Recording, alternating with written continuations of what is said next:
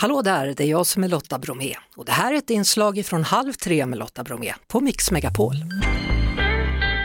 Oskar Målevik är bagare, konditor och grundare av Haga Tårtkompani och bageri med oss nu i studion. Och nu doftar det återigen kanelbullar. Ja, vad härligt va? Ja, du lyfter på locket där borta. Jag undrar om det är dem eller om det är jag som luktar. Det, hur länge har du hållit på? Mm, idag menar du? Eh, sen vid halv fyra började jag i bageriet. Är det extra långa dagar när det är just kanelbullens dag? Ja, de är extra långa men de är extra roliga. Absolut. Hur många kanelbullar räknar du med att sälja idag, en dag som denna? Eh, ungefär 6 000 tror jag. 6 000. Ja. Och då pratar du bara om bagerier i Stockholm. Ja, ja, precis, våra fyra ställen. Ja, så, att, Tillsammans. så att hon har helt rätt när hon säger att det kan s- säljas alltså 7-8 miljoner denna det dag. är nog inte omöjligt, absolut inte. Det pikade känns det som för några år sedan dock. Det har varit lite halvdant under pandemin. Mm. Men eh, nu är det tillbaka, det känns.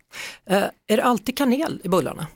I kanelbullen är det klart det är massa kanel i. Mm. Ja, Men vanliga dagar? Eh, jo då, definitivt. Det, kanelbullen är ju den storsäljaren på bullsidan, absolut. Mm. Går det mer kanelbullar än kardemummabullar? Ja, det skulle jag säga. Men nu ska jag erkänna en sak. Jag är kanske mer på kardemummabullens sida, men eh, kanel är gott också. Du, vad är hemligheten bakom en god kanelbulle? Oh, pratar vi, ja, vi pratar bakning generellt. Alltså det man eh, gör fel ofta kanske. Man knådar den kanske lite slött. Det är där man måste träna musklerna lite. Och sen så jäsningen jätteviktig, jäsa långsamt och länge. Men snåla inte med fyllningen. Vad betyder det? Rent konkret. Ja, men dubbla receptet. Nej men på, nej, men på riktigt. Ja, i princip. Det ska vara, det ska vara mängder av smör, det är det som är gott. Jaha. Och hur mycket kanel kan man proppa en kanelbulle med? Ja, men det kan, får man faktiskt inte överdosera för att kanel är ju torrt som fnöske, det är ju bark, fnöske. Så att eh, eh, det får man känna av lite grann. Alltså, kanelbullar har ju överlag blivit ganska dyra, det får man ju säga, och Mm. de har växt i storlek och de har blivit mindre, det far lite fram och tillbaka. Vilken är framtiden egentligen för kanelbullen om du spår? Är det en Ja. klassiker man inte rör eller vad kommer hända? Jag har tänkt mycket på det, jag tror definitivt att man rör inte den speciellt mycket för att det är liksom, det är en trygg punkt, det är som mamma eller en gammal kär vän, kanelbullen, den är jätteviktig som den är. Jag tror inte det kommer hända så jätte- jättemycket med den faktiskt. För, för semlorna har ju utmanats som bakverk då med både semmelwraps och pizzor och allt möjligt. Men Ja, gud. kanelbullen håller i sig, varför? Den håller i sig, det finns ju någon hybrid som ändå har gått OK, alltså Kremlan, men det är ju också under semmeltid. Eh, det är inte nu. Jag, nej, men jag tror den är för viktig som den är. Den är så trygg. Ja.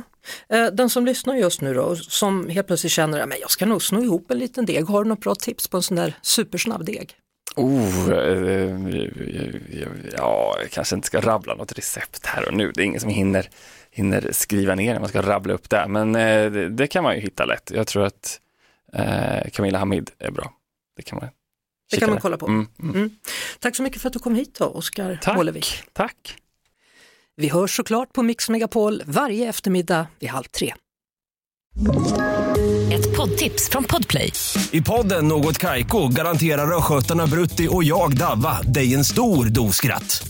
Där följer jag pladask för köttätandet igen. Man är lite som en jävla vampyr. Man har fått lite blodsmak och då måste man ha mer.